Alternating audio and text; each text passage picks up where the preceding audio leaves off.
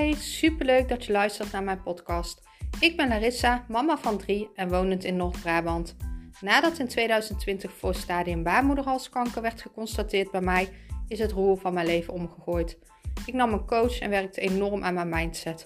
En zo kwam ik in aanraking met de wet van aantrekking. Sindsdien is mijn leven compleet veranderd. Ik ging van fulltime mama van drie onder de drie jaar naar een succesvol bedrijf. Ik begon mijn eigen baby- en kinderkledingmerk en nu wil ik graag mijn kennis delen en zo duizenden mensen helpen. Ik deel graag mijn lessen in het ondernemerschap, maar ook mijn spirituele kant en alles over de wet van aantrekking. Ik ben ontzettend dankbaar als ik mag zien wie mijn podcast luistert. Dus tag me gerust op Instagram of laat een beoordeling achter. Je helpt mij niet alleen, maar ook anderen. Liefs, Larissa.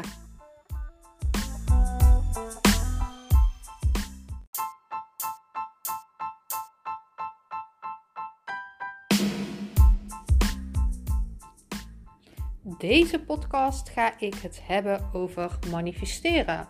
Wat betekent manifesteren? Manifesteren betekent het zichtbaar maken van iets. Je zet een intentie, een doel, een, een droom. Um, en dit doel zal je moeten geloven en voelen zonder enige weerstand. En als jij op dezelfde frequentie zit van jouw doelen en dromen, dan wordt dit zichtbaar. Simpel, maar niet makkelijk. Je moet je bewust worden van wat je uitzendt naar jezelf, maar ook naar anderen. Door woorden, gedachten, bewust, maar ook onbewust. Je hebt 40 tot 70.000 gedachten per dag. Iedereen manifesteert, of je nou wilt of niet. We manifesteren de hele dag door. Maar manifesteren is meer dan alleen de wet van aantrekking. Het is niet alleen een intentie zetten en wachten tot het komt, maar het is ook oefenen. Het is continu werken aan je eigen frequentie. Je moet op dezelfde frequentie zitten als jouw doelen en dromen. Jij moet op radio 538 zitten om radio 538 te ontvangen. En je kan niet op Q-Music luisteren om radio 538 te ontvangen. Dus je moet continu op de juiste frequentie zitten, aan je mindset werken.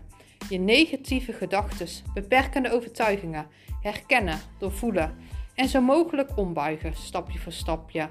Je moet leren communiceren met je ziel door bijvoorbeeld uh, meditaties te doen, door te schrijven op automatisch schrift of door te journalen. Terug leren op je intuïtie te vertrouwen en continu blijven afstemmen op de frequentie van jouw dromen. Maar ook heel belangrijk is loslaten. Je moet de controle durven loslaten en je moet vertrouwen houden, ook al weet je niet hoe het komt. Loslaten wil zeggen dat je je loslaat van de uitkomst, losmaakt. Je accepteert elke uitkomst.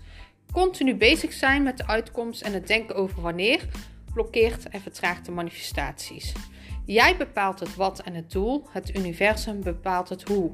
Het universum weet namelijk altijd wat het beste voor jou bestemd is en je bent altijd precies waar je moet zijn. Dus eerst geloven en dan zien in plaats van andersom.